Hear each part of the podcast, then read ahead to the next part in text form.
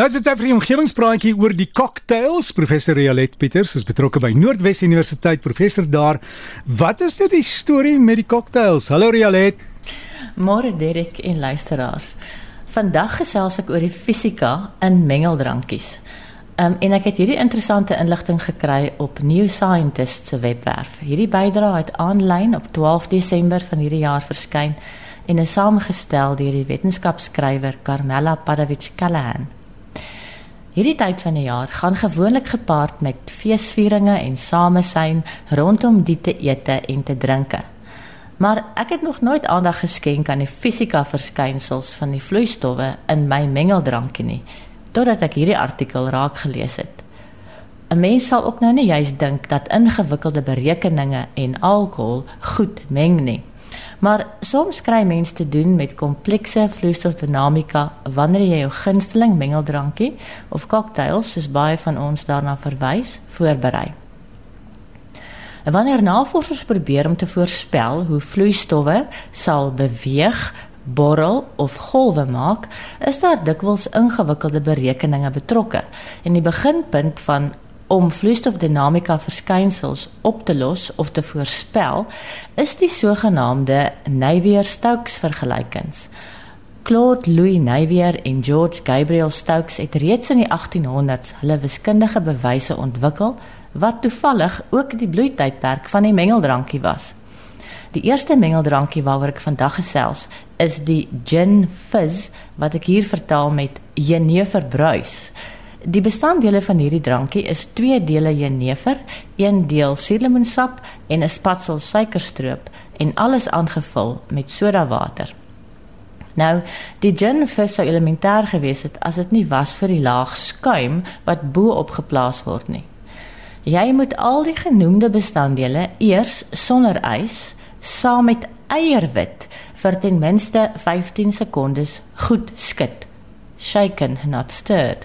Waarna jy ys mag bygooi en weer 15 sekondes skud. Dan skink jy die drankie in die glas en kyk hoe die eierwit wat nou stewig geklop is bo op die drankie dryf. Maar skuim daag fisies uit. Soms tree dit op asof dit 'n vaste stof is en ander kere is dit meer soos 'n vloeistof. Seepborrels vloei soos water wanneer jy skottelgoed was, maar die stywe skuim bo op 'n bier kan as 'n een eenheid afgeskep word. Die verskil tussen hierdie twee soorte gedrag van skuim het te maak met die borreltjies self. As borrels saamgroepeer, maak dit skuim. Maar hoe die skuim optree, hang af van die molekules in die wand van die borrels. Die skuim van bier en die melkskuim bo op 'n cappuccino bevat proteïene, net soos die skuim in die eierwit bo op die gin fizz. Proteïenmolekules dra 'n klein elektriese lading en het beide hidrofiliese en hidrofobiese streke. Dit beteken maar net dat 'n sekere deel van die proteïenmolekules graag in water wil wees, dis die hidrofiliese deel, maar 'n ander streek van dieselfde proteïenmolekule beur weg van die water af. Hierdie eienskappe veroorsaak dat die proteïenmolekules sodanig rangskik dat dit die induie stort van die botteltjies voorkom, wel ten minste vir 'n rukkie. Hoe sterker die aantrekkingskragte tussen die molekules is en hoe meer daarvan hulle teenwoordig is, hoe stywer is die skuim en hoe meer gedra die skuim dit soos 'n vaste stof.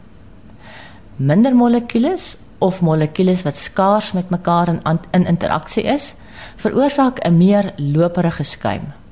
Vir die jeneverbruis wil jy hê die skuim moet stewig bo op die drankie dryf en wanneer jy die eiерwit goed klop, rek die proteïene uit, skakel aan mekaar en vorm die perfekte skinkbare skuim. As jy verkies om nie eierwit te gebruik nie, kan jy die vloeistof in 'n blikkie kekerertjies of dis nou chickpeas bekend as aquafaba gebruik om styf te klits. En as jy dan steeds stoei om skuim te maak, sit bietjie wynsteensuur by. Dit moedig die proteïen aan om nog meer en vinniger te rek en behoort die skuim vinniger te vorm. Nou kom ons by die fisika van vloeistowwe in B52. Hierdie is 'n gewoonlik 'n kort glas mengeldrankie wat uit eweveel hoeveelhede van 3 alkoholiese dranke bestaan.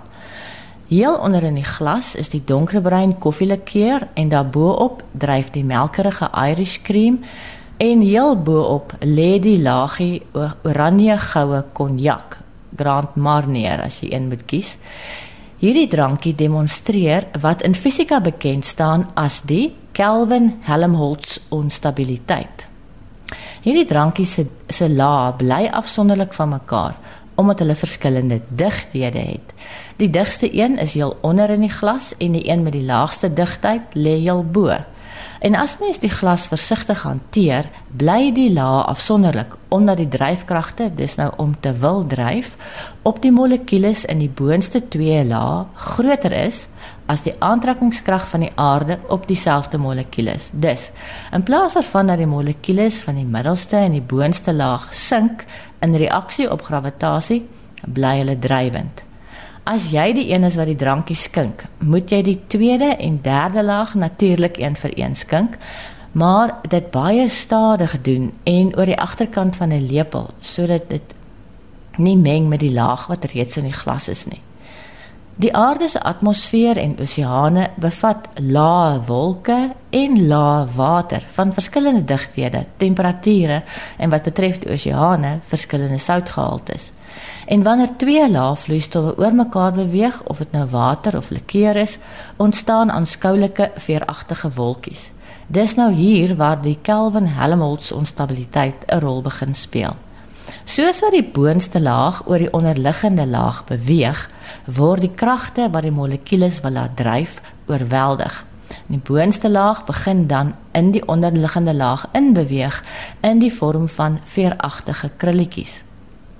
In die atmosfeer veroorsaak die Kelvin-Helmholtz onstabiliteit wolke wat lyk soos brekende oseaangolwe. Maar dieselfde fisika kruip weg in die glas B52. Hou jou glas effens skuins of laat die inhoud in die ronde draai deur 'n versigtige gewrigaksie en jy sal dieselfde vorm golfies sien verskyn. As jy dit nie versigtig genoeg doen nie, meng die spulletjie en veroorsaak jy 'n behoorlike mengeldrankie met 'n eenvormige, vervelige roomkleur. Ek het op die omgewingspraatjie se Facebookblad foto's en resepte van die twee mengeldrankies geplaas. Gaan kyk bietjie as jy verveeld rondsit. Rielet baie dankie en alle voorspoed vir Kersfees. Dankie vir daai wetenskaplike ontleding.